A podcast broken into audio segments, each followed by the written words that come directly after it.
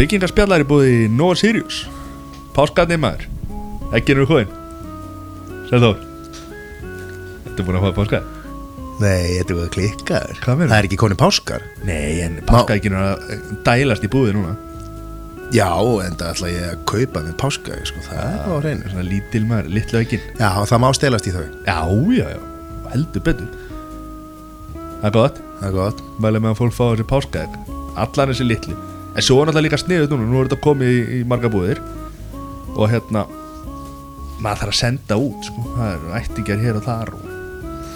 Já, senda til, ætti ekki að erlendis En hvernig fer þetta svona í Það maður þá að hafa þetta í einhverjum Hvernig umbúðum sendur Sko, það, já, ég hef sendt í mörg, mörg, mörg ár eins og fram hefur komið á býrsýsteminn elendis og hérna hef sendt þér í páskaegg í mörg ár sko, en hérna stundum kemur þetta bara að broti sko. Það er bara Það er alveg jafn gott. Já, já, Það er leðilegra en, en stundum er það heil sko en ég hef prófað nokkur, nokkur tricks og það, ég held að sé það er bara guð og lukkan sem þannig að sjá til þess að ekki sé heil sko. Já. Fagmat sem er smiður. Hann lótur Fagmat.is Þar fær allar upplýsingar um, um ef þú þarft að láta rakamæla eign eða þarft ástandskoð ert hugsalega að fara í einhver verkefni. E, þá fer hann að Fagmat.is kemur í samband við Simasmið og þú veit í toppmálum eftir það. Já, hann er líka góður smiður. Hann sé ekkert mikið að vinna við það en hann er góður smiður. Hann er að fara að smíða borðina fyrir okkur. Já, ég vil hlaka þið til að sjá það maður. Sjá hann í, í, í aksjón Já, við setjum það inn á Instagrami hjá okkur hérna á podcastöðinni uh, 250 litir. Fallegasti málari landsins. Steppi málari. Hann góður. Góður og fallegur. Já, já, já Liti.is, hann gerir tilbóði allan anskotan fyrir ykkur maður. Húsfélög Enga Enga, hva, hvað segir maður, enga Enga hvað, hvað er hann að segja? bara, þú veist, einstaklingar sem að Bara enga aðeinar sem að vilja að takja þessi verkefni? Nákvæmlega. Ekki að reyna að leita því. Tó, Út í toppmála þá eins og með Sima. Liti.is Það er heldur betur góð gestur okkar í dag. Rándýrt, Þórdís Kolbrún Reykjur Gilóttir ráðherra. Ráðherra. Veistu hvaða ráðherra er? Já, það er svipa langt á namni hennar. Já, ferðamála, yðnaðar og nýskumur ráðherra Já, þetta er ekkit smá samt. Smá satt nafn? Nei. Á ráðuneyti? Já, bara ábyrð Ábyrð og hérna uh, er að vinna í krefjandi málum og, og öllum þessum, þessum hérna, málum sem er núna eru stór sem er nýsköpunin og yðnar og ferðamáli það eru, ok, það eru öll mál stór við skulum hérna ekki eh, við erum ekki að segja það. En þarna er, er hérna ung og, og skemmtileg og, og hérna klár og frábær kona sem er að stýra þessu góðaránandi og er að gera það rosalega vel. Og hérna hún á bara framtíðina fyrir sér Það heldur betur. Og það með að fleiri ráður að taka sér hana til fyrirmyndar í því að hérna, koma og tala við spekingar spjalla já, og reyna að vera svolítið skemmtileg Já, þeir eru nú, jú, þeir eru nú nokkur skemmtilegir ekki? mjög, jú, jú. En svo er oft erfitt kannski að vera skemmtilega þegar maður er að tala um mikilvæga málefni sem að maður vil ekki líti út eins og bjáni já, já, þetta, þú veist, þetta, um eru, sko. þetta eru hérna náttúrulega allt stór og mikil mál og, og hérna, sem að fullta fólki hefur ímsa skoður á. En hérna e, við töflum aðeins á, á, á stjórnmálunum og, og hérna og, og það er, er hérna þetta er eitt af þessum sko málum sem að, sem að við, unga fólki Mattias, að við erum svo ungi menn. Við þurfum aðeins að, að hérna við þurfum aðeins að koma okkur aðeins hérna, meira inn í pólitíkina og svona veist, maður er alltaf eitthvað að reyna að fylgjast með sko, en nú þarf maður bara að fara að kynna sér málin og maður þarf að fara að taka upplýstar ákvarður maður, maður fann það líka að þú veist að, hérna, að tala við hana. Þetta er, maður hefur einhverjar einhverjar skoðanir á þessu. Einhverjar svona fake skoðanir sem maður heldur að sé eitthvað en svo gerir maður alltaf aldrei neitt í þessu sjálfur. Og þetta er bara laug rétt hjá henni það sem hún er að tala um. Þegar maður ætlar að breyta eitthvað og gera eitthvað þá er maður að gera. Já. Ég sé bara, það er bara Mattias á, á, á, á næsta þing, ég veið bara kryddsildin á næsta ári. Já. Herrið, frábær gestur og, og hérna frábær þattur og, og hérna gerur þið svo vel. Það er komið til okkar góða gestur. Það er bara svo leiðis Þórdís Kolbrún Reykjörn Gjelóttóttir Komið sælir. áttur að vera týpur eða Við heitum reyndar öll sískinin, sko, sérst, við erum þrjú allsískini og við heitum öll fjórum nöfnum, eða þreimur nöfnum og föðunafni, þannig að en ég held samt að ég sé með lengsta nafni Já, en hvernig er, er búið að laga þjóskrá og villuna þar að það, Já, já, það voru 32 tvö, sta, já, stafabil og mitt nafn með bilum er 33 þannig að ég var alltaf Þórdís Kolbrún R. Gilvardóttir en svo bara fleiði takninu svo fram að það var hægt að laga kerfin þannig að nú er ég með öll nöfnum mín í þjóskrá Já, og hérna mikil búbóta þegar þetta var svona sko tölvu vandamál sem að kannski var ekki droslega erfitt að leysa eða. Nei, ég held að þetta hafi bara verið eitt af því sem að tekur sinn tíma í að laga einhvern veginn einhver kerfið það sem að se- segir svona computer says no af, af einhverjum undarlegum ástæðum sko. Já, en við, hérna, við erum alltaf rampolítisku þáttur mm Við höfum verið svolítið í, í pólitíkusunum eða stjórnmála hérna elitri Við fengum til okkar hinn nýútskrifa stjórnmálafræðing Lóa Bergmann Eðsson og hérna til þess að, til þess að takla stórumáliðin og svo vorum við með í síðasta þætti Ilmi Kristjánsdóttur sem hefur hérna dippa dippa sér aðeins í borgarpólitíkina. En þú ert nú í landsmálunum. Og, og ég vunum bara að fá strax á hreint. Það er þriði orkupakkin á mannamáli hvað, um hvað hvað er þriði orkupakkin ég trú ekki að þetta sé fyrsta spurningi það mun allir bara Það þarf íta að og ko- stopp og finna nýtt, nýja Já, þáttir að ek, hlusta. ekki nema þegar ef að fólk vil fá að heyra hérna, hvað þetta snýst um í raun og veru í, í, í, á mannamáli Já, sko, þriði orkupakkin er ekki hérna, með fullri virðingu fyrir bæði honum sem slíkum og hérna, áhyggjum manna uh, yfir honum, að það á honum þá, þá myndi ég nú segja að þetta væri ekki mjög stórt mál sko um, get, það er eiginlega frekar að spyrja sko, hvað er þriði orkupakkin ekki? Veist, það, hann, það er ekkit hérna, í honum sem felur í sér að við séum að uh, senda burt sko, að við séum ekki lengur með vald yfir okkur auðlundum, að við ákveðum ekki hvort við ætlum að hérna, virkja eða ekki og, og hvort við leggjum sæstrenga, raforku sæstrenga ekki. Þetta er svona helsta gaggrinn sem hefur verið á þennan þrjá orkupakka þetta er rauninni gengur bara út á eh, hérna, aukna neytendavend uh, auki aðhald á fyrirtæki og hérna í rauninni sko fyrst og annar orkupakki sem er bara innleng sem við höfum farið í gegnum fyrir löngu síðan í orkumálum eru þetta er bara, þetta er bara svona tæknileg framhald af því sko. Þetta er hérna þannig að það sem fólk er helst hrætt við er að hér komi útlendingar og segi nú þurfum þau að leggja ráorkusæstreng og við tökum af ykkur orkuna eða þið ráðu ekki lengur hvað við virkjum og hvað ekki og svona. Og það er allt eh, svona fremur fjárstæðakent sko. Það er enginn sem að ákveður hvort hér vil að sæstrengur eða ekki nema hérna, við sjálf. Þannig að eh, ég held að eh, svo er það þannig að sumir hafa bara raunverulegar svona efasamdur áhyggjur á þessu máli. Og það er líka litað því hverjir hafa verið að gaggrina það.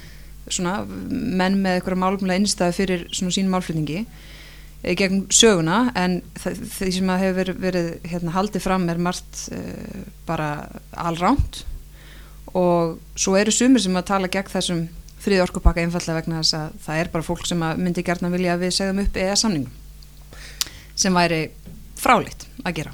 Já, sem sagt að hérna, þetta er í grunninn bara framlegging og öðrum hlutum sem að hefur verið að gera. Já. Uh, og er þetta einhvers konar meira framsal heldur en, heldur en annað sem við höfum gert og, og höfum tjókum þátt í, í með hérna EES samningnum Sko við höfum auðvitað alveg tekið í gegnum tíðina ákvæðanir sem að fela í sér hérna all nokkur framsal með gegnum samkjömslögjöfuna, fjármálamarkaði, persónuvendarreglgjör sem við vorum nú bara að klára hérna í vor. Eh, Það er tölvöld framsal í því.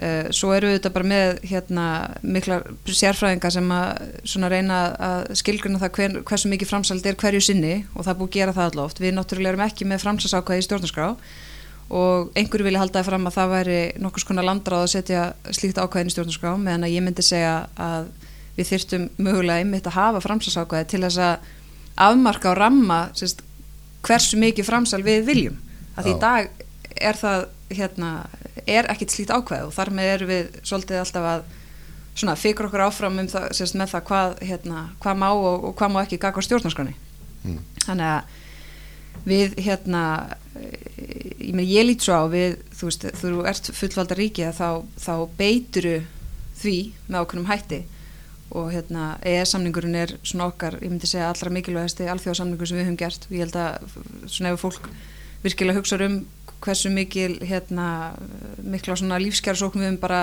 sótt í þennan samning. Það sem er hluti sem við getum gert af því við erum með hann. Og ég held að við getum ef við værim ekki með hann í dag þá getum við ekki sagt, fengið hann. Þannig að við höfum að hérna, hann skiptur okkur alveg ótrúlega miklu máli. Við höfum ekki fá hann að ganga bara alveg þá inn í Európa-samöndi Já sem er ymmit, við erum með svolítið svona það, það besta mm. af þessu með, í gegnum þennan samning og hérna sem er ástæðan fyrir því að, að ég er mikil talsmaður í EA-samningsins einmitt af því að ég vil ekki ganga inn í Európa-samöndi þess vegna skiptir hann svo miklu máli mm. Já, vera aðeins þessu án þess að þurfa að vera fullskildur meðlum. Ég held að báður hlustundum séu hættir að hlusta sko. Ég held að líka Já, það er orkupakkin hérna, komið komi frá Annars hórum við bara að krakka fréttir og skilum maður það eins betur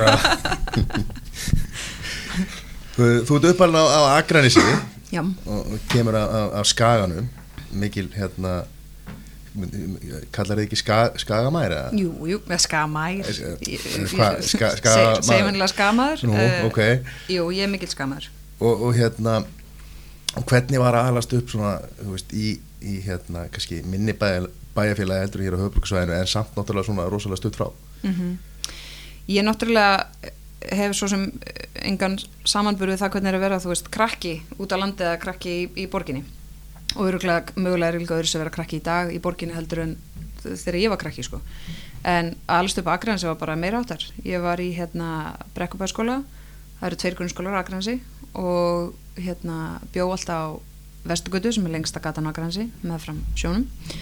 Og amma mín átti heima bara rétt hjá og ég var rosa mikið á henni. Gisti alltaf um helgar var, eða mjög oft ef ég var ekki að keppa í sundi.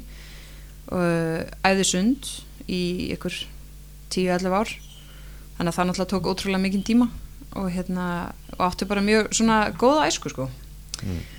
góða vini og, og hérna og svona stutt í allar áttur og leik mikið ég, þú veist, ég var alveg að leika mér á svona stöðum sem ég myndi ekki vera rólega ef að bönni mín væri sko, eitthvað að leika svo út í fjöru og, og hérna eitthvað svona, en, en ég átti mjög mjög góða æsku.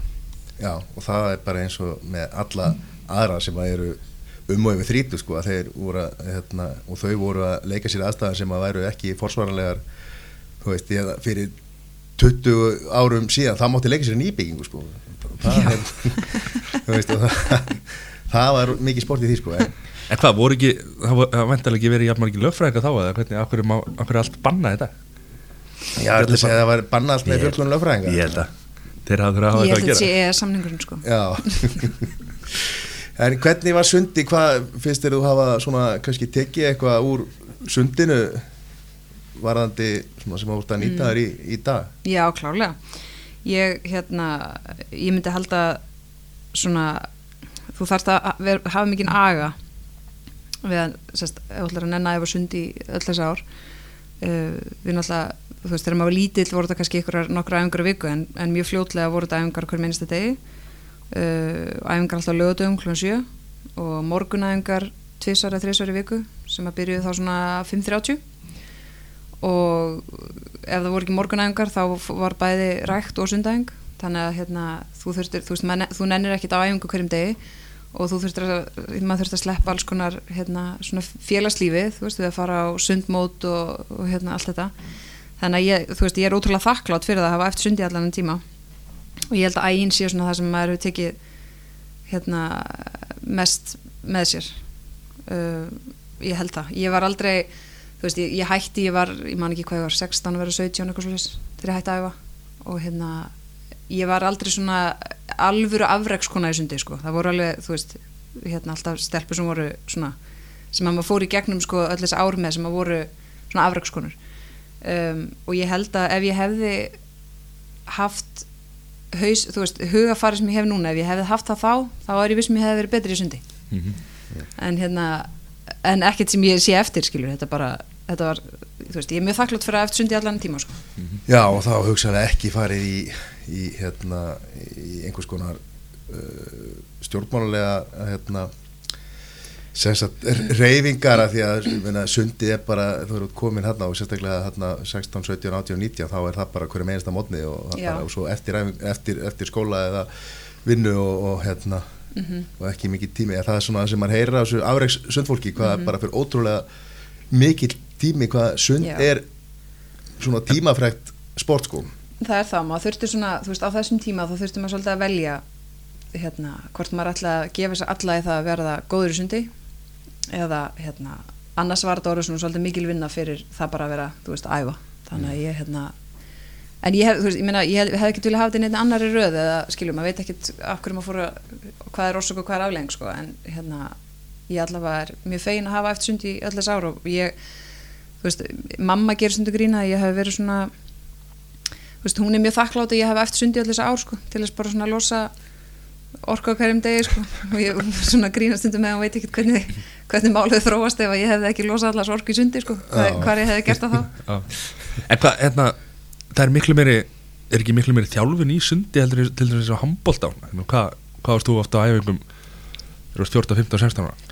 Var það ekki bara þrísari viku, fjórum viku Ég, þetta er nú kannski orðið fjóru, fimm sinni viku. Já, núna, en þá var þetta var, alltaf, sundi var alltaf á hverjum degi, morgunæfingar og, og þetta var, alltaf handbóltæfingar mótnana Speti fyrir maður Já, það var, það var maður verið lungu hættir sko. En þú varst líka að gera varst að gera annað þarna á þessum tíma? Hva, í hvað erstu nú að vísa? Þú varst að dansa. Hluti að, hérna, afreikshópnum eini Íslandsmeistara titillin minn er hérna í frístæl hóp sérst, hérna, var með, við vorum nokkar vinkurum saman. Já, þú veist, þú mannst nafnda á hann í hvort ég geri Mm. það var glanspíðnar Það voru glasbíð já, Og Íslandsmeistarar, hérna 10-12 ára á árinu, uh, var ekki 98? Jú, 98, jú. 98 annarsæti 99 Já, og, og, og, og það var einmitt sko annar hópur frá Akaransi sem var í, í öðru seti sem var Jep. hérna Juicies Jöp. Var mikill rífur á milli glasbíðana og Juicies eða? Nei, það var það nú ekki við, þær voru aðeins, ég, man ekki árið neða, svo tveimur árum eldri en við eða eitthvað og hérna það var ekki rígur það, við vorum bara þú veist, ég var 11 ára. Það var bara, ég, er- ég vissi ekki hvað er í gangi ég var bara eitthvað, ég dansaði bara eins og mér var sagt að gera. Við erum að reyna aðeins og svona, þú veist. Því að sko þetta var ekki gengi á skagan Nei, var þetta ekki, er, þetta- er þetta ekki við mættum það, ekki í svona hérna, götu dans, þú Nei. veist, það batla Ég sé fyrir mig bara hérna Bring It On og hérna, hvað hétt myndir hérna Honey eða eitthvað hérna sem að það, veist, fólk var að batla í dansi og, og, og þau ílíkur sko. Það hefði verið meira hérna, töff saga en, Já, í fjörunni maður. Nýbyggingunni. Já. Það er Já, mjög en, já, það var stórgóður álugur og greinlega mikil gróska og, og hérna, yfirbúra dansarar hérna á að þetta var náttúrulega á landsvísu. Já. En hvað, fóru hæfileikarnir bara í burtu Uh, nei, sko hérna, svo kom hvað, hvað hétt það hérna hvað, okkur manni það ekki? Hópurinn sem að vann sérst þegar við vorum í öðru seti, árið setna uh, hvað, ég man ekki hvað heita. Hérna, sérst, hópurinn hétt alltaf sama. Birna Björns var með svona dansskóla og setti sér alltaf saman hóp bara af einhverjum stelpum og gerði geggiðan dans og þær unnu bara, sérst, við rétt náðum að vinna einsuna því svo unnu þær bara mörg ár, sko, næstu ár voru þær alltaf hérna Þannig að hún var að týna til úr, úr mörgum skólum og hverfum og búa til einhvers konar Já, það var aðstöðumunur sko, landsbyðin og höfbruksvöld Nei, djók. Nei, þær voru geggar, þær voru mjög flottar en þær sem sagt unnu þarna alveg nokkur ára eftir og við fórum bara einbytt okkur að okkur öru en þetta var, þetta var skemmtilegt. Já. En er þessi keppni ennþá í Það held ég, eða, hva, eða hvað? Það er alltaf ekki langt síðan Er þetta kannski bara komið inn í skrekk sem að er svona alls konar hérna sem er líka Þetta var alltaf í tónabæ. Ég bara ég bara þóra ekki að fara með. Er, er tónabæri ekki til í dag? Nei, tónabær, það var hérna 365 voru í tónabæ og þeir, já, nú eru þeir fluttir hann að það getur vel að hérna Tónabæri það er bara áskorun á ríkistjóðina að fara að setja tónabæ Við viljum fá tónabæ aftur. Endur ekki frístel Já. Þú getur bara verið fara að keppa aftur. Já, það var ekki ekki. En hv- hvenar byrjar þá í í SÚS? uh, 2007 Er það líka dans eitthvað? Sambandungra sjálfstæðismanna. Ah, ok. Ég byrjaði 2007 í stjórn hérna SÚS uh, og var í tvö ár, eða sérst 2007 til 2009 og 2007 var ég á lista hérna í Norvestu kjördami uh, lista sjálfstæðarflokksins í nýjunda sæti sem var svona fyrsta sinn sem ég var. Þú veist, þannig er ég tvítug og var bara með þú veist, mætti á fundi og var bara svona að reyna að læra af öðrum og, og hérna skilja þetta. Svo 2009 þá fór ég í prófkjör í Norvestur og var að lista þá. Og svo 2013 var ég kostningastjóri í Norvestukjörtumi og var afturlista, sjötta seti þá. Og eftir það fór ég að vinna fyrir hérna, þingflokkin mm. semst sumarið 2013 þá var ég frangatastjóri þingflokksins.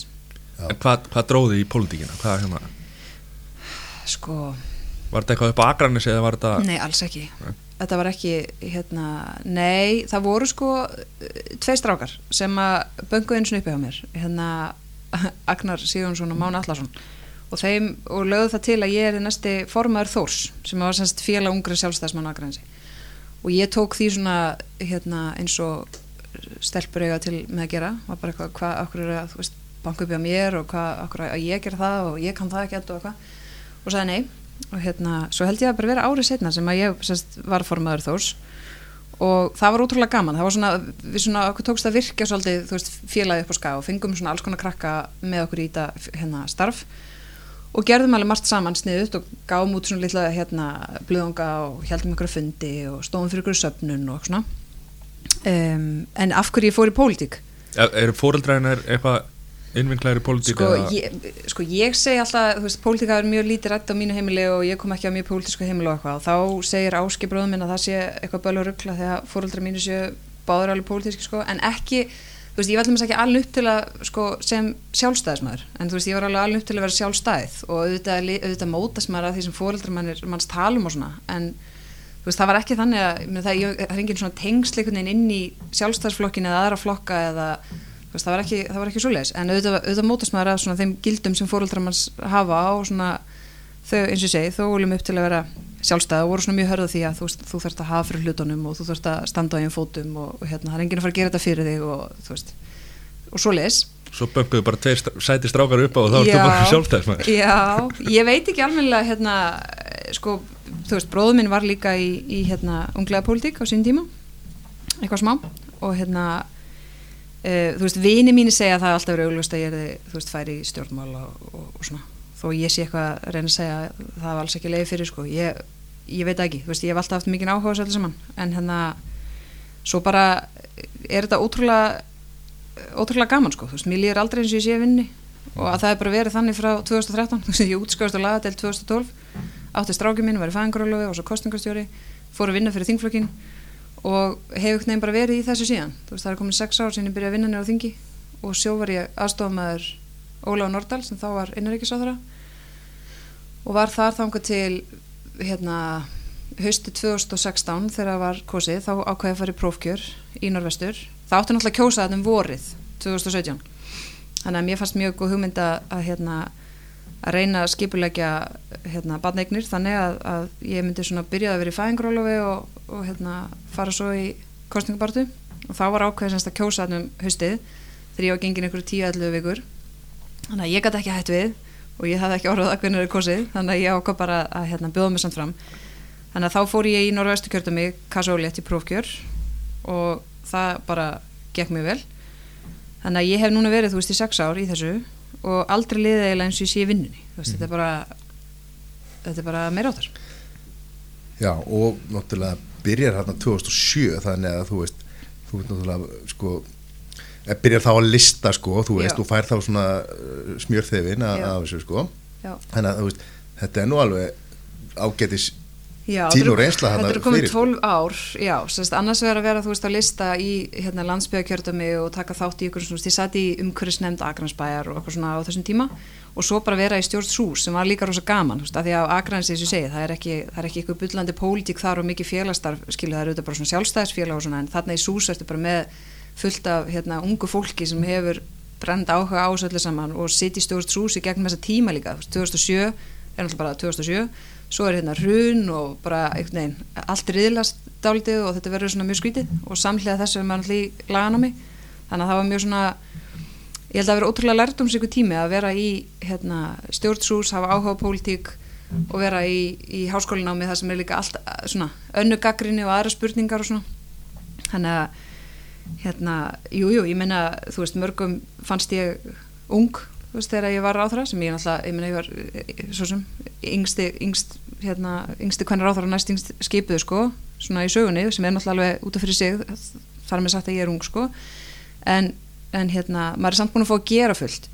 Og þeir eru búin að starfa þú veist þess að vera frangatsverðu þingflokks. Þú situr þingflokksfundi og þú vinnur niður á þingi með hérna, starfsfólki þar og vinnur upp í valhöll og, og hérna kynnist sko þingmönum annara flokka og sér svona hvernig þetta gengur fyrir sig. Þú veist ég laði alveg áherslu á þessa þætti í laganóminu og skrifaði um vandaða lagasetningu og hérna hafði mikið áhuga stjórnskipunurétti og svona. En þú getur ekki lesið í gegnum sko fræðibækur hvernig til dæmis lagafrumur fari gegnum þingi sko því það er bara þú veist ákveðna reglur um það en svo er þetta bara pólitík. Mm. þannig að það hafi verið þar og svo inn í ráðaniti sem er svona allt öðru vísi og önnur samskipti og svona. Og hérna og, og fara svo í prókjur og það. Þetta er, veist, þetta er náttúrulega heilmikið heilmikið reynsla og alveg langu tími þegar maður safnar þessu allir saman. En varstu búin að ákvæða þegar þú fórst í löffræðina að ætlar að vera pólitíkus eða var þetta bara Nei, ég var ekki búin að ákvæða þá. Ég, hérna, ég valdi bara sko, ég var alveg stundu sagt að þegar maður að tala um svo mikilvæg yðnáms og svona, veist, ef ég hef verið ef ég var að velja í dag þá myndi ég öruglega, ef ég gæti gert eitthvað í höndunum sem ég veit ekki, kannski kann, get ég ekki eins og ég hef aldrei látað að reyna það hefur öruglega valið til þess að fara í eitthvað yðnám bara því mér finnst það svo góðu dýl að vera með veist, þá mentun og geta þá annarkvæmt byggt á henni eða farið fljóðlega að vinna og allt þetta. Ég valdi bara lögfræði bara því að veist, það var einhvern veginn hljómaði sniðugt og hérna, mér langaði að fara fjölmjölufræði, ég hugsaði að vera gaman að vinna í fjölmjölum en svo hugsaði að það er betur borgað og það er einhvern veginn örugara að vera lögfræðingur, þá get ég unnið það og ég hugsa alltaf um að ég vildi að vera svona fjárháslega sjálfstað ég þurfti ekki að, þurfti ekki að vera háð neinum öðrum en sjálfur mér þannig að það var eiginlega svona þú veist, þetta þú varst með áhuga á svona þjóðfélagsmálum og hérna og ég hugsaði, þú veist, ef mér langaði að fara í pólitík þá get ég það, ef mér langaði að vinna á fjölmili þá eru, þú veist, er alveg ykkur lögfræðingar sem, geta, sem eru í því sko. Þannig að hérna ég mann þegar ég stóð í salunum þegar á hérna, fyrsta degi í skólinum þá var Svafa Grönfeld hérna rektor. Og hún sagði eitthvað svona þá leið að nú væri draumur okkar að rætast sem við höfum hugsað svo lengi um og þú veist þetta væri sko við myndum hlæg og gráta í gegnum námið okkur, ég man ég stóð að það var bara uh, þetta er, það, veist, er þetta minn draumur? Ég, bara, ég, veist, ég er bara hérna, ákvæði eitthvað bara skömmu áður sko. Þannig að ég var alls ekkit vissum að þetta væri eitthvað endilega námið mitt sko en svo fannst mér þetta ég náttúrulega var í háskólinum Reykjavík sem ég er mjög glöð að hafa valið. Ég held að það, hérna, allt það umhverju hefði henda mér betur heldur en hái og hérna það var svo öll þessi raunhafi verkefnum dót, þetta er allt, þú veist, samankamur hefði farið að gera nákvæmlega sko. Og ég veit náttúrulega, þú veist, ég er ekkert ennþá búin að ákvæða hvað ég ætla að verða þegar hún stór sko. Þú veist, ég er bara nú með búin að gera fullt og, og hérna, og ég er bara í einhverju draumastarfi, þú veist, ger, ég get ekki hugsað með neitt skemmtilegra og meiri forðund að fá að starfi heldur en það sem ég er að gera. Og svo bara er hitt hana og svo veit ég ekkert hvað ég fyrir að gera næst sko. Þannig að þetta er ekki, þú hugsaður þetta ekki sem eitthvað æfistarf sem þetta vera pólitíkus eins og var gert fyrir Nei, meina, ég held líka bara að það sé sko bara nánast mann skemmandi að hugsa þetta sem hérna æfistarf sko, mm -hmm. af því að þú, ég stjórna því ekkert, það er bara þannig. Þú veist, ég, hérna þú, þú sækir ekki um með hefbundum hætti, heldur þartu að fá umbúð hjá öðru fólki að fá sinna þessu.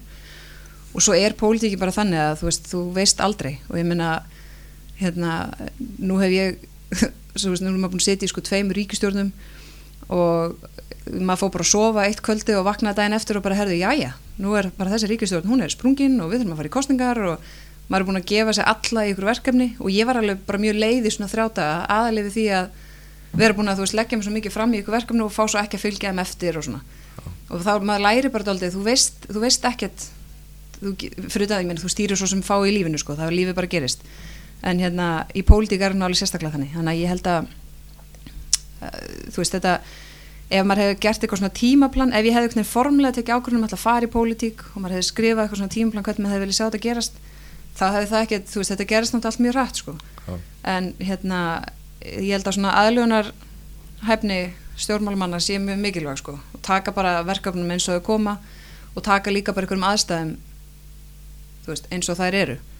Þannig að ég hérna þú veist þetta er, mér finnst þetta meira áttar og mér finnst ég vera að gera eitthvað sem skiptir máli og legg mig alla fram við það og bara svona vil vera dæmda mínum verkum sem stjórnmálumæður og svo bara kemur hitt í ljó sko Já, Þetta er ekki eins og, eins og til dæmis í bandaríkjum það sem að veist, það er bara svo mikil fjölskyldu hefð í, mm -hmm. í stjórnmálum og það er einhver þriði, fjóruð og fymti ætliður mm -hmm. sko, þú veist, eins og eins og, hérna, eins og, og búsfjölskyldan sko. mm -hmm. það er mhm. eiginlega bara gert ráð fyrir því að þú sért annarkvort að fara að reyna að komast á, á fing mm -hmm. eða, eða þá hugsalega ríkistjóri eða komast á hérna eitthvað tengdur pólitík sko, það er svona það er en engin, það er líka það sem er svona svo, það er það sem ég finnst svo magna við Ísland hvort sem það er, þú veist, út frá okkur stjórnmálum eða bara öðrum tækifærum fólk sko. að þú veist, við bara búum í landið þar sem við erum með bara svona ágætt kerfi þú veist, mentakerfi og velferðkerfi og svona það sem að það skiptir ekki öllu máli þú veist, í, í hvað aðstæður þú fæðist. Heldur svona eiga langflestir tækifæri til að, þú veist, láta ljósut skínu og gera það sem þeir vilja, langflestir. Uh, og það á líka við í pólitík. Og ég til dæmis í, á, hérna, á landsfundi sagði ég það alveg minni ræðu. Þú veist, mér var alveg sagt í gegnum tíðina að sjálfstæðarsflokkurinn væri einmitt svona flokkur. Þú veist, að þú þyrstir einhvern veginn að þekki rétt af fólkið og, og hérna, eitthvað svona. Uh, og þú veist, ég meni, ég er bara ótrúlega venjuleg einhvern veginn stelpa á skaganum sem bara hafði áhuga á pólitík og hérna fór að gera það sem ég fannst gaman. Og ef einhver hefði sagt um mig þegar ég var tvítug að það sem ég þurfti að gera væri bara svona að vera ég sjálf og, og hérna og svona hlusta á svona innsæði mann sko að þá þú veist hefði ég ekki trúið því að það væri það sem þurfti að gera sko. En mér finnst bara meira áttar að vera hérna ég held að sé ekki í mörgum öru löndum. Það sem að það sem að því ég var sko hvað var ég 29, 8, 9 þegar ég var hérna ráþara ég held að ég er ekki til sem að það gerst í mörgum löndum. Mm -hmm.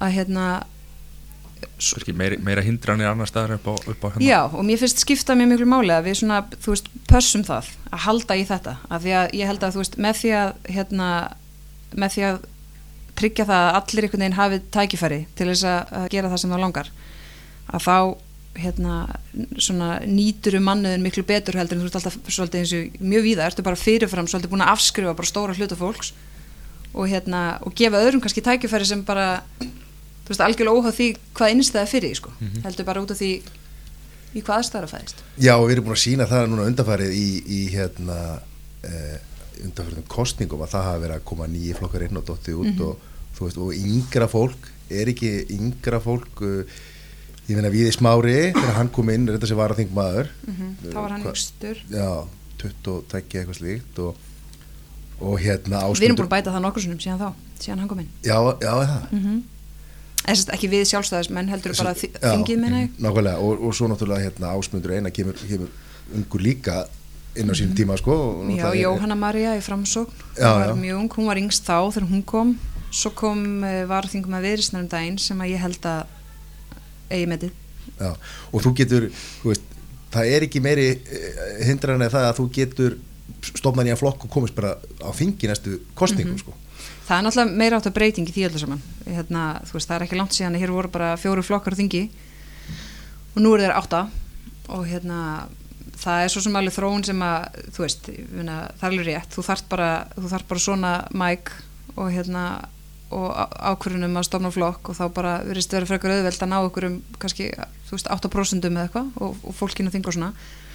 En þetta er líka eitthvað svona þróun sem að þú veist, við þurfum að reyna einhvern veginn að lesa hans í sko, þú veist, ég veit ekkert hvort það er endilega betra að vera með svona miklu fleiri flokka sem eru svona smáflokkar það sem er auðveldar að segja hér eru við öll sammála á eitthvað heldur en að, og það er áskorun fyrir sjálfstæðsflokkin að vera í slíku umhverfi, þú veist, ef hann allar áforma að vera eitthvað svona breyðfylking og stór flokkur það sem eru bara alls konar sjónum við, ég meina sjálfstæðisfólk uh, er ótrúlega ólíkt með mjög ólíka skoðanir, það er samt einhver svona rauðið þráður, einhver svona ákveðin gildi sem að sem að saminar, þú veist, okkur sem sjálfstæðismenn, það er nú svona ofnbæra lindamálu við flokkin, sko, að við erum sammáli þessum svona ákveðum, ákveðum svona lífsviðhorum, en hérna þú veist, þetta er allt bara breytist svo mikið og við þurfum öll að finna hérna eitthvað leið til að, þú veist í þessu, sko, þetta er ekki lengur þannig að þú kennst í fréttir og rúf og viðtali í mokkan og þá ertu bara búin að kofera þú veist, all landi, sko, með skilabóðinu heldur er þetta bara, veist, þetta er út um allt.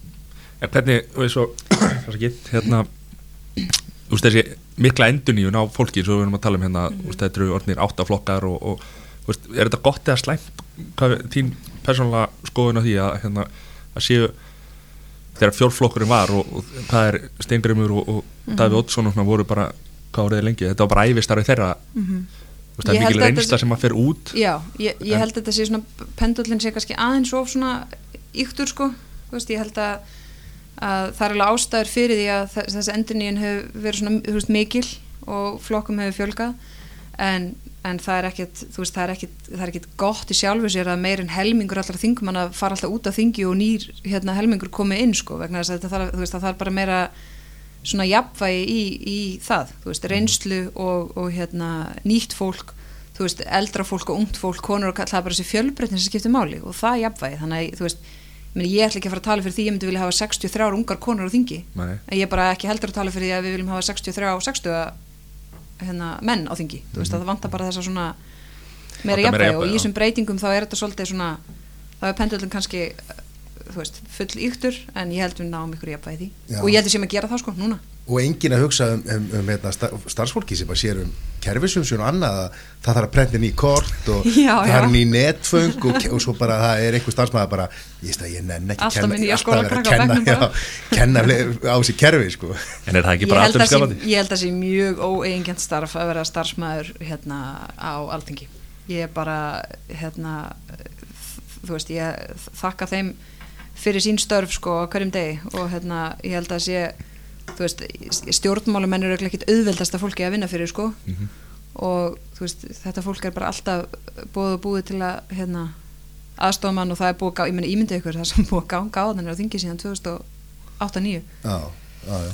En þessi vinnustæði bara, fyrir hérna þú veist, Fólk er að rífast þarna upp í pontu og, og, og slást sko og svo fara allir bara á klausturspar og, og, og, og taka leifupil heim saman. Nei, Sem- þú veist, það er mikil, mikil vinátt að þarna. Já, já, sem betur fyrir er það þannig. Hérna, eh, þú veist eh, fólk borða saman hátegismat og tekur hérna hliðarfundi hér og þar og vinnur mál í þú veist, saman og milli flokka og allt það.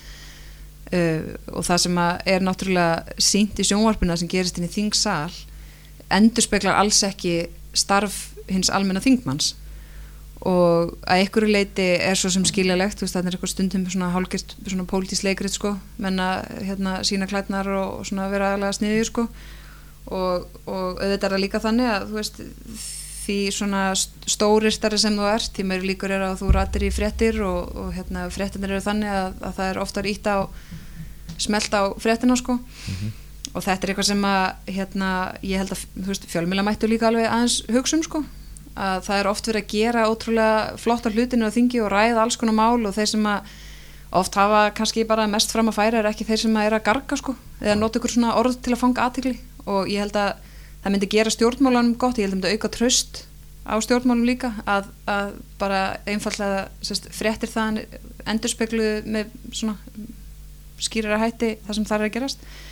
En ég menn eins og nefndastörf veist það er almennt lokað fundir það er allt annað hérna, allt annað vinnulag þar heldur en þú veist inn í þingsal þannig að sem betur fer er nú þannig að langt flestir þannig eru bara vinnir og þú veist þú getur það er hægt að taka stáin í þingsal og svo bara ferð út og fá mjög kaffi sko Er það ekki þessu erfitt? pe- Nei, það þýr ekkert að taka þessu persónlega, þá verður maður bara að fara að finna sér eitthvað annað að gera.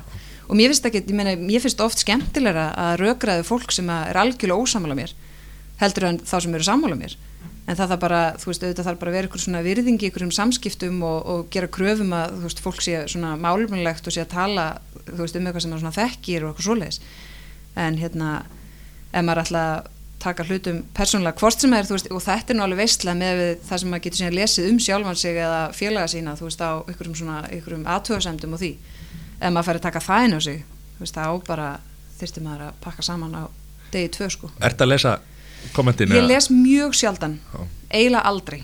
Nei, ég les eiginlega aldrei aðtöðasemdur undir, þú veist, þess að ef, ef ég les frétt, það er ykkur kvóti mig eða ykkur frétt um hérna mig, þá meðvitað skróla eiginlega aldrei niður og les aðtöðasemdur, sko, af því að það, þú veist já, ég ætlum ekki að fara kannski tala ómikið um það, en það er ekki hérna, nei, ég ger það, það er alveg meðvitað sem ég ger það. Og ég hef til dæmis bara sagt við, þú veist bara fóreldri mínu sko. Eða svona, ég hef alveg sagt um mömmu bara, erst þú nokkuð að lesa þessar aðtöðasemdir, vilt ekki bara, þú veist, ég ætla eiginlega bara að byggja um að gera það ekki sko, að Mhm. hérna, Það getur mjög, mjög vond sko.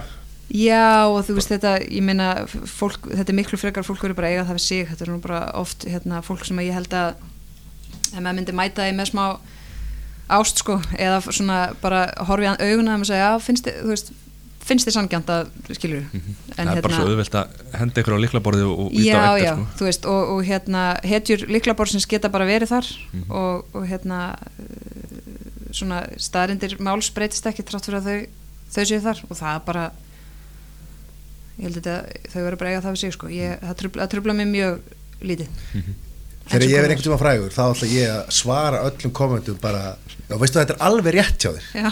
ég er bara algjör auðmygg og skítall og, og veistu að ég er bara svo sannarlega bara sammálaður já, Já, ok. Já, hvernig er, er svona er, er, er að öðru leiti vinnustæðurinn, nú sagður þú er þetta búin að vinna svo mikið á alþingi að, að, hérna, að það kannski þekkir ekki þá einhverju svona menningu sem er á kannski einhverju svona engaregnum Mhm. þú veist 20-50 manna vinnustæði eða eitthvað slíkt sko. Er, þú veist, er morgunkaffi eða? Er, er Ég- Brynja ég- Níels að henda í pönsur og svona eða? Nei, sko, hérna, ég náttúrulega þegar ég er kjörinn sko þingmaður, þá verð ég strax ráðra og fer þar að leiðandi bara upp í mitt ráðaniti og er náttúrulega meira og minna þar allan dag, allan daginn. Uh, þannig að sem svona, ég hef aldrei verið en almennu þingmaður, þú veist, sem bara á sæti fastanemnd og, og svoleiðis, en þegar ég var starfsmaður nýra þingi, að þá náttúrulega byrja dagurinn þannig að það eru nefndafundir og svona hver einn þingmaður er alltaf jafna þannig að þú ert þá að funda fyrir hátegi í nefndum og svo er hátegismatur, svo er tvisar vikur þingflósfundur sem er tvo tíma og svo þingfundur. Þannig að eins og mánudum og miðgudugum er þingfundur það sem er sínt í sjónvarpinu, það er að byrja kláðan þrjú. Þá er fólk samt búið að vera í vinnunni sko, frá því um morgunin bara á öðrum fundum. Þannig að það er svo sem enginn að skella í pönsur. En dásamlega starfsfólki í eldhúsinu bakar samt kökur á eiginlega hverjum degi. Já, ég hef viljað sem að ég þetta fæ væri- mér alltaf ef ég finn á þing. Já, ég hef viljað væri, að þetta væri þannig að sko Brynjar Níels, hann ætti að henda í túnfisalat, Björn Levi Mhm. ætlar að koma hérna, ætlar að koma heima baka hérna brauð og eitthvað svona sko. Mhm. það og myndi hérna, kannski það væri svolítið skemmtilegt. Já, það myndi kannski og gera sérstaklega bara kannski á gott fyrir þessum já, og sérstaklega á nefndafundum sko að að nefndin skiptið með sér hérna já, með föstaskaffi og svona. Já, Mhm. það myndi gera mikið er fyrir, fyrir morálinn sko. Mhm. ég held það sé rétt hjá þér.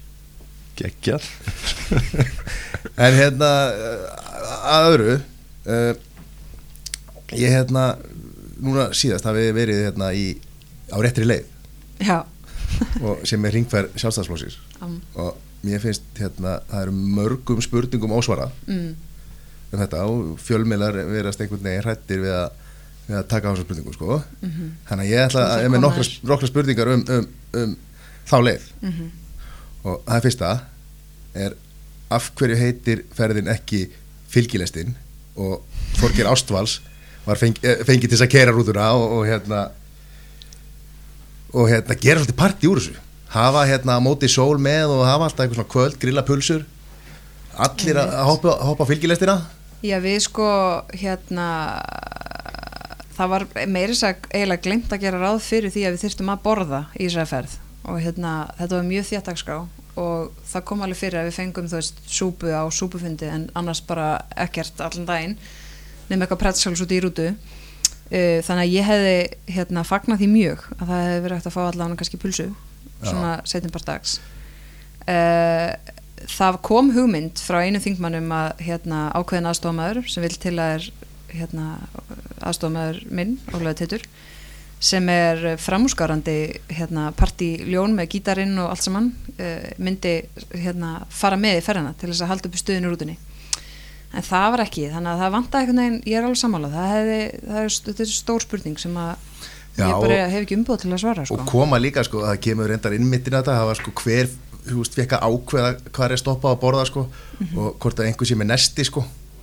Já, uh, Áslu Arna var með næsti hún var með, hún hún var var með, með langt besta næsti Já, nesti E- eitthvað- Settustu þá hliðina henni og fórstu Já. hún kom til mín og svona maður bjóða þeirri parmaskingu Já. það var geggjað og, og svo, svo er spurningin það sko í fyrsta lagi, af hverju laugabakki en ekki kvastangi mm Nú ert þú komin á mjög viðkvæma hluti. Nei, hérna, þetta var náttúrulega meira áttu skipulagning. Og það þurft að, þú veist, við erum búin að fara núna í þessa fimmtaferð og við erum eftir að fara sko til Eyja, Suðunisinn, inn á Suðurland uh, Snæfellsnes, Vestfyrði þannig að við erum alveg fullt eftir. Og það þurfti náttúrulega svona að velja þessa staði mjög vel um, Laugabakki var bara, við vorum á hótelaugabakka sem er mjög góð fundastað og líka bara, þú veist, til þess að reyna að fá hérna svona sveitunga líka og svona Það bara, og það var ótrúlega góð mæting þar en, en nákvæmlega, þú veist, hvaða það er alltaf þannig, þú velur, þú veist, þetta eru 50 eitthvað stopp og það er samt náttúrulega þannig að þú veist, þeir staðir sem ekki fengur stopp spyrja sig, heyrðu, okkur fengur við ekki stopp? sko. En ég vona, þú veist ef, þetta var allavega raunverulega gekk framar björstustu vonum, sko, þetta var algjörlega frábærferð og okkur ótrúlega vel tekið og góð mæting bara nánast allstæðar þannig að vonandi getum við þá bara nýtt þessa kjörnumavíkur oftar í ykkur svona, ykkur svona ferð þó sé kannski ekki svona stór. Og þá er hægt að fara á hérna, staði sem það var ekki hægt að fara á núna. Já, en var að stoppa í staðaskála? Nú er skildustoppi í staðaskála og ymitt í pulsu sko. Nei, ég, þú færði ekki að fara í gerðin staðaskála sko nema að fáða pulsu sko. Já, það var ekki En ég hef aldrei stoppað komist í gegn á þess að það var náttúrulega eins og fræktur orðið klósett í rútinni þannig að það var hægt að hérna, pissa á ferðinni. Þannig að við, við stoppuðum bara ótrúlega lítið og við vorum almennt bara koma á hérna, leðarenda þú veist klukkan tíu á kvöldin eða hálf 11 eða eitthvað og voru vöknum klukkan sjö sko. Það var þetta bara leðilegast að ferði í heimi eða? Þetta var, þú veist, þetta var ógslag mikil, þetta var mikil vinna, sko, þetta var ekkert, hérna, en, nei, þetta var alls ekki leðilferð, þetta var algjörlega meira átt að ferð. Það getur stoppað í staðaskóla svo. Nei, sko, reyndar er bara 20 mítið frá staðaskála á hérna, lögabakka þannig að kannski, kannski hérna, má, má fyrirgefa það sko. En voru sömu sæti, veist var, Já, var við, þetta, er íhalds, þetta eru náttúrulega íhaldsmenn, sko, það er, hérna, við settust öll bara svona í eitt, þú veist eitthvað ákveðið sæti eru komin í rútuna Já. og það var bara svona, þetta var bara svona greni, það var bara, þú veist, með töskunina og teppi og, hérna, Hverju sáttu aftast? Það er náttúrulega búið að ljóstra um hver var fyrir Aha. miðju Já, Brynja Já. Brynja Níelsson sæti aftast og hérna, og þeir, hérna, félagarnir voru aftast Já. En- Jón Gunnarsson og, Óþekku strákarnir. Já, Já. Já. Það er, all- er það ekki alltaf þannig? Voru lætið þeim eða nei, ég get nú ekki sagt það, það verður mikið læti, sko Nei. En hver, hver stjórnaði tónlistinni?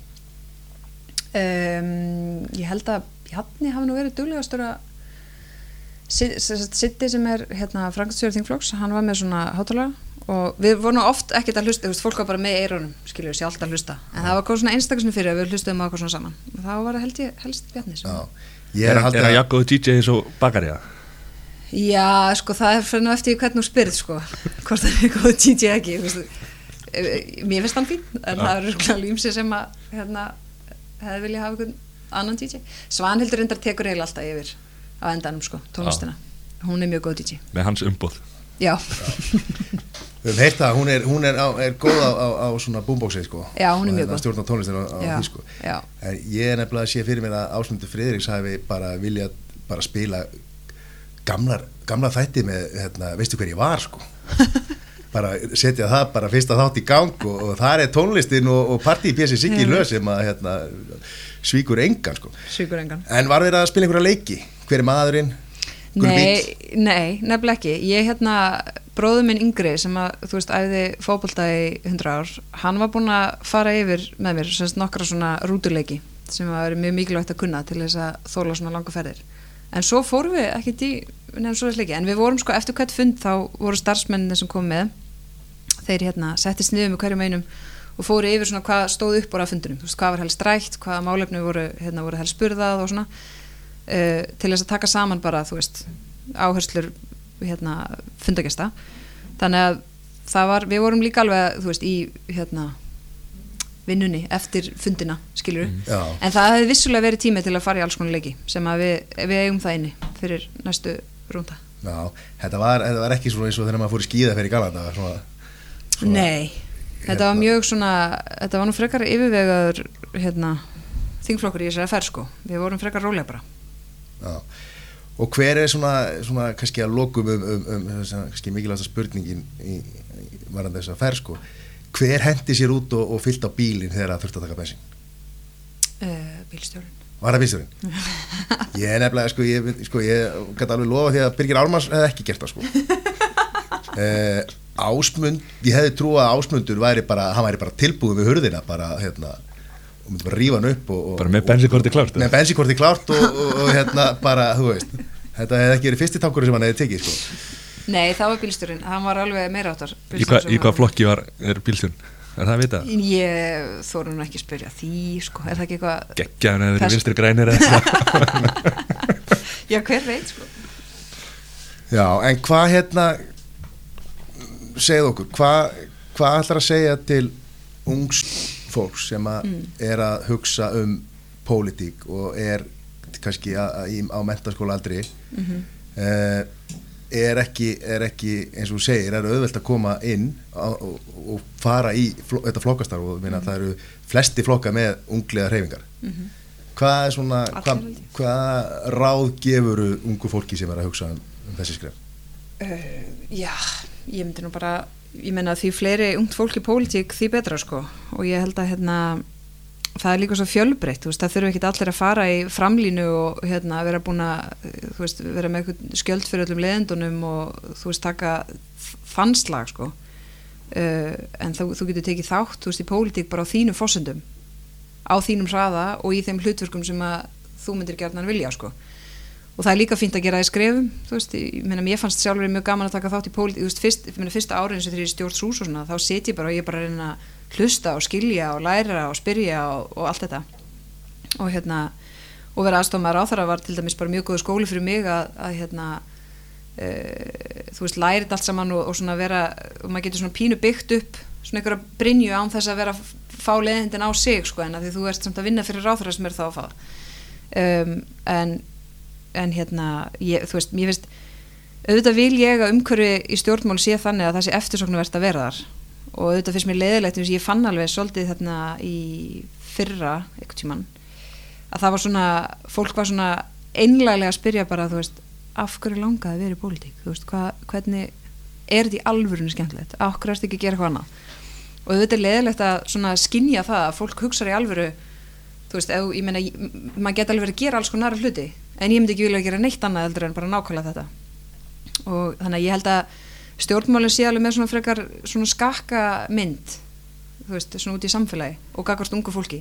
Og það er líka þannig að þú veist, ef að þú, ég meina, fyrir fullt ungu fólki finnst stjórnmálinn bara leiðileg og óáhugaverð og eitthvað, ég meina, þú veist, þá, það þarf líka þá að taka þátt í þeim til þess að breyta þeim, sko, ef þú hefur skoðun á því hvernig pólitíkin á að vera eða skoðun á því hvaða, hvaða máli frekar vera dagskrá og við séum ekki að ræða eitthvað aðrið sem skipta máli og svona, þá náttúrulega þýr ekki að vera bara röflum það bara á Twitter sko, þó það sé alveg hérna, þú hafur alveg áhrif með því að vera virkur á Twitter.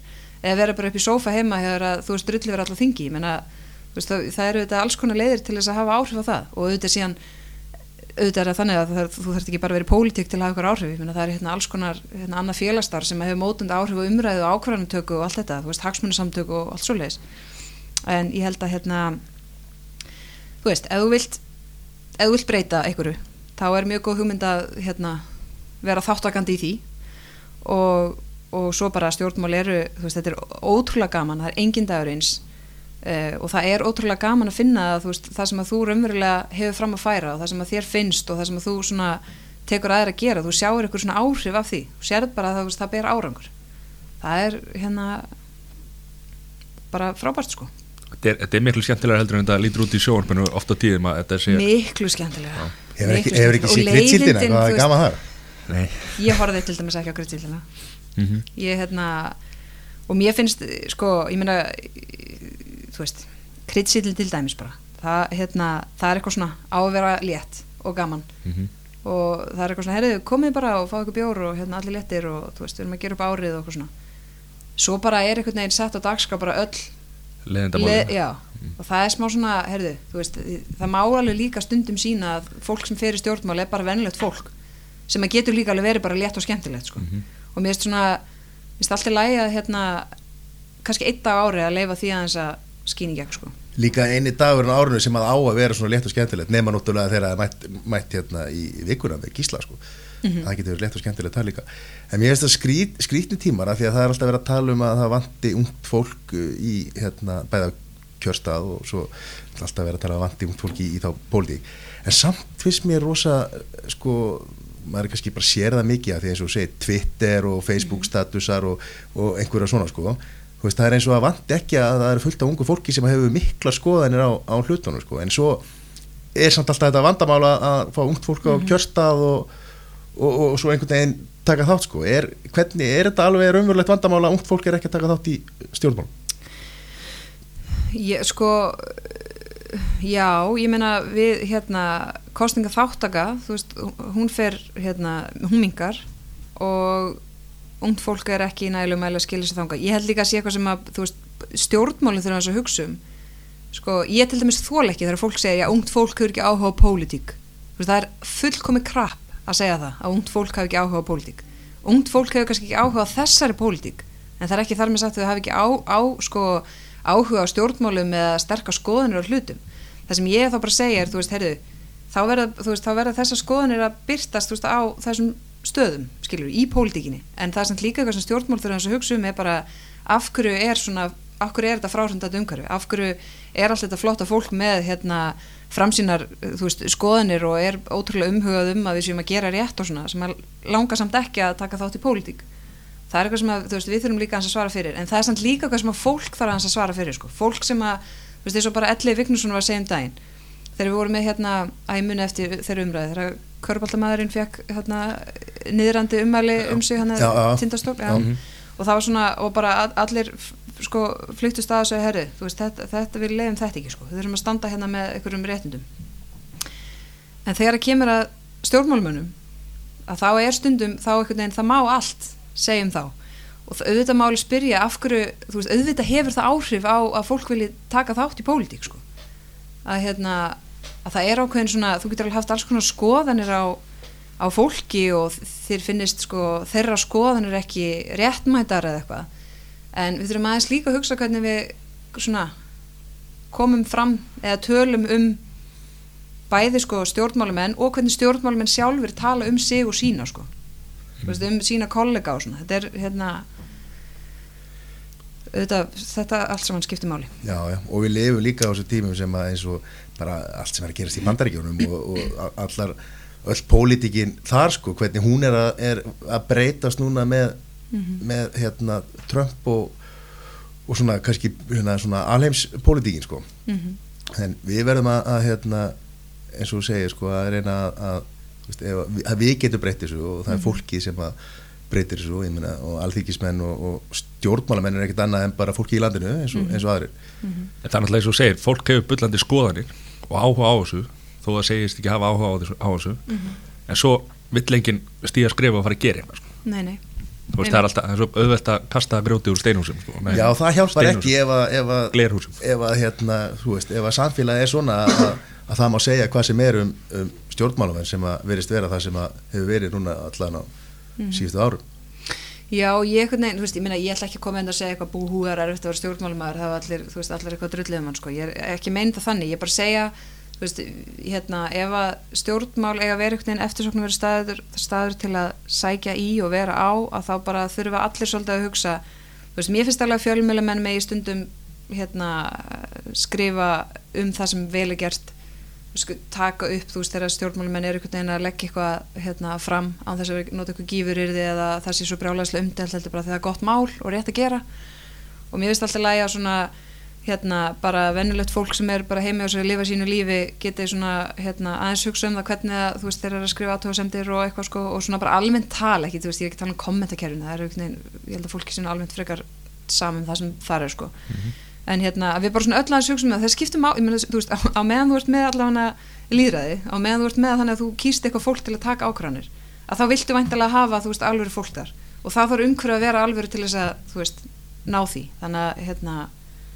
það að að að er bara það er bara það sem ég segja. Og ég er svo sem ekkit með hérna lausnun á því. Og ég er ekki að segja að það þú veist í framlínu að það er eitthvað að vera auðvelt sko. Þá ekkit að vera það. Og þú þarfst að hérna vera, þú veist, tilbúin að hérna taka alls konar hluti. Og það er ekkert mál. En, en hérna ég bara, ég bara segja veist, þetta er stjórnmál skipta máli sko, mm -hmm. hérna... við þurfum að læra samræðu stjórnmál. Það er nýtt orð sem ég læri þetta en hérna við, ég veit að, að við þurfum að fara að sleppa það þú er nóg að gera heldur en að hérna, vera, vera að ræða, ræða við okkur og, og hérna og þú ert að fara að einbita þér að stærri málum. En, en svona lókum hvað hver Eurovision, hver með hverjum heldur? Guð minn góður, ég hef ekki á ég, mér er óslæð leðilega ég hef ekki, ég hef ekki horst á neitt af þessu. Ekki heldur Uh, ég hef bara lesið eitthvað svona eitthvað viðtal við þá hérna sem er að valda uslaðin eru vinsalastir ha, ha, Hattari Hattari, hattari. Já, sónu minn ennú mjög peppaði fyrir svolítið sem hann, hann er sex ára og finnst mjög gaman að horfa á þetta sérstaklega með ömmu sinni það sem þau eru með svona sitt stigakerfi og, og hérna og svona velja. Honum fannst til dæmis uh, Freirik Ómar, hann kost áfram síðast honum fannst hann flottur. Uh, er sérst úslit núna á lögadaginn Já, úslitakvöldið er, er núna á lögadaginn Er það ekki setna? Hún, já, ok, allavega. Nei, ég held að það, það er held ég bara næstu helgi sko. Þannig að ég bara, veit ekki. Nei. Já, og kannski hérna Þú er eiginlega verið með okkur aðra lokaspurninga Þetta er svona freka leik hérna, sko. Við sáum hérna frétt. Hvað var það, B5 kynntist manninu þar? Hvað er það? Já, ekki held ég að þetta sé einhver betri spurning sko. Já, við fórum, já, mitt, við fórum í hérna, eða ég fór í nærmynd og, á stötu og Hjalti fegst til að svara þessum spurningum sem að hún fannst nú ekki mjög gaman sem að rata í það að hann- var spurður hvað er kynntust uh, sem að var á B5 eða við náttúrulega, þú veist, við, við náttúrulega vorum bæði í HR á sama tíma og hérna hann var ára undan mér þannig að við svo sem vissum hvort að öðru sko. En jú, við kynntumst á B5 mér finnst það bara mjög fresh Já. að geta sagt að hérna, ég hef kynnt eiginmannum mínum á, á B5 Já, glansbíðuna voru þar mættar með að kikka með sjó á, á B5 einmitt. Það er bara svoleiðis. Hvað er hérna, ætlar að vera formaður Sáltalunósins? Verður þið klitt síld eftir 2 ár, 4 ár, 5 ár?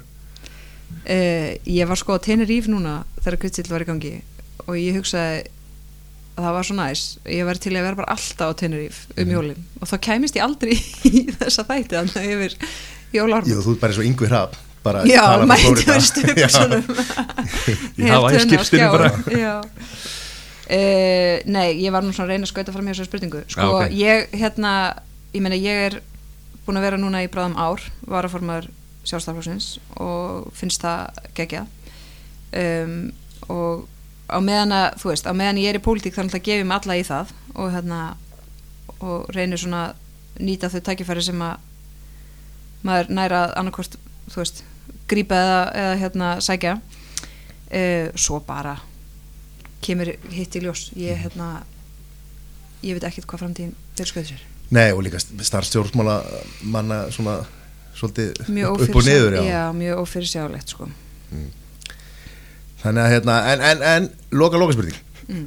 Hvaða hérna málum ert að, allar að reyna að koma núna að, fyrir utan kannski þriðið orkupakkan Hvaða svona málum ert að vinna svona núna sem að eru rosalega þér nálægt það sko, það er nú alveg hérna nokkur, við erum að vinna nýsköpunastefnu sem að skipti mjög mjög máli og verður aldrei verið gert fyrir Ísland. Og í kjölfara því munum við þurfa að taka alls konar svona stærri ákvarðanir til þess að ná fram, þú veist, ná þeim markmiðum sem þar eru sett. Uh, orkustefna hefur verið unnið áður en, en aldrei klárað og við erum líka að vinna hana. Og þannig að þetta rífast endalist um þau mál en skiptir máli lenda því einhvern veginn við erum, hérna, ég er nú bara að fara að funda núna þegar ég fer hérna uh, um svona langtíma stefnumótin í ferðarþjónustu svona ákveðin leiðaljós fyrir ferðarþjónustu á Íslandi. Og við erum með, ég var að kynni ríkistjórn í morgun bara tillögur um hérna uh, aðgerið svona til að ná utan með þessa smá lána starfsemi það sem skiptir máli að aðgreina sko bara fjártakni og nýsköpun í, í, í því okkur svona neyslulán og svo þessi svona smálán sem að verið mikil umræðum og, og mér hefur fundist fólk vera með svona ansi einföld svör við flóknum hérna aðstæðan þar. Kennitöluflakk er þú veist mál sem er á mínu borði og hérna við þurfum að lenda því. Þannig að það er hérna þú veist við, það er ennþá verið að rífast um gjaldtöku í ferðarþjónustu það sem annars vegar er, er glimt að það er gjaldtaka í ferðarþjónustu og, og hérna og hins vegar svona það að það er engin ein heilu gjaldtaka í ferðarþjónustu sem mun einhvern veginn eh, gera alla sátt á að leysa alla vanda sko en við þurfum bara einhvern veginn að klára það mál. Þannig að það er ótrúlega margt sko. Ég hérna, þú veist, ég menn undir mig að heyra hlutafélaglögjöf og neytindamál samkjöfnismál, ferðarþjónusta, innaður, orka Heldur betur hérna siftingar á ferðamála ferðamanna markaðinum Já. og yðinnaðinu núna þessa dagana. Já, uh, hérna við náttúrulega erum búin að horfa fram hann í ótrúlega mikið vöxt undanfærin ár og nú er svona að hæja á honum og það er sjálfur sér bara að mörguleiti, þú veist þetta er vöxtu sem var ekki sjálfbær og við getum ekkert hort á 20% vöxt bara ár eftir ár en auðvitað er þessi svona óvissa á hérna flugmarkaði eitthvað sem að þú veist, er alveg eðlilegt að hafa einhverjar áhyggjur af.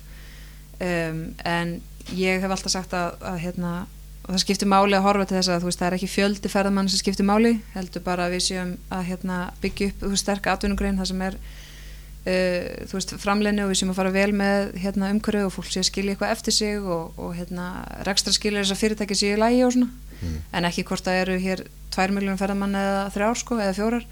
Og svo á endanum held ég að vera spurning bara hvað ráðu við, við marga ferðamenn? Já, og við þurfum bara að skila þeim að okkur bara hérna sátum Já, það, já, og það er það sem við stöndum okkur alveg ótrúlega vel í og ég held að fólk áttu sig kannski ekki einu svona alveg á því sko, að við erum með, þú veist, meðmálaskor hér á Íslandi er bara alveg ótrúlega, ótrúlega gott sko. Þannig að ferðamenn almennt uh, eru mjög sáttir þegar þeir fara hérna og eru tilbúin að mæla með veist áfangastanum við sína svona nánustu. Þannig að það er, það er auðvitað sem skiptir öllu máli. Og hérna en við þurfum síðan bara að hérna reyna miða á svona rétta markaði og við sem að fá hérna fólk sem að þú veist fer um landi en er ekki allir bara á suðvesturhóðninu og, og, og það er auðvitað mjög erfitt að stýra því að mörguleiti sko. Mm. um, vonandi verður meira flug fyrir norðan þar sem að við getum að því leiður koma aðra gátt inn í landið að þá það er það sem hefur langmest áhrif á dreifingu ferðamanna og svo erum við að vinna svona álagsmat í ferðarþjónustu sem er reynir bara að finna út veist, hver eru þólmörk ferðarþjónustu í Íslandi gagvart umhverfi, efnahægi og hérna, samfélaginu. Sums það ertu með svæði sem kannski þú líki mikið meira bara út frá umhverfinu og það ertu að gera eitthvað í því. Svo ertu með hérna bara hversu stór getur ferðarþjónustun orðið bara svona efnahagslífi það sem að það fer þá mikil áhrif að ef eitthvað fer úrskeiðis og svo bara gagast samfélaginu. Og það er þá bara alls konar þú veist, ég menn ef við ætlum að taka múti 6 miljónu ferðamanna, hvað, þarf- hvað þarf margt starfsfólk að sinna því? Og hvað þarf að hérna uh, og það fólk þarf að, að uh, flytja hingað og börn þeirra þurfa fyrir skóla og allt þetta. Þannig að þetta er svona Herra, þetta er góð lokaord, takk Yes. kjærlega fyrir komuna Þórdís. Og hérna, vegniði vel á, á, á þessum hérna, erfiða og krefjandi hérna, í þessum erfiðu og krefjandi verkefni sem að hérna, frammyndan eru Takk fyrir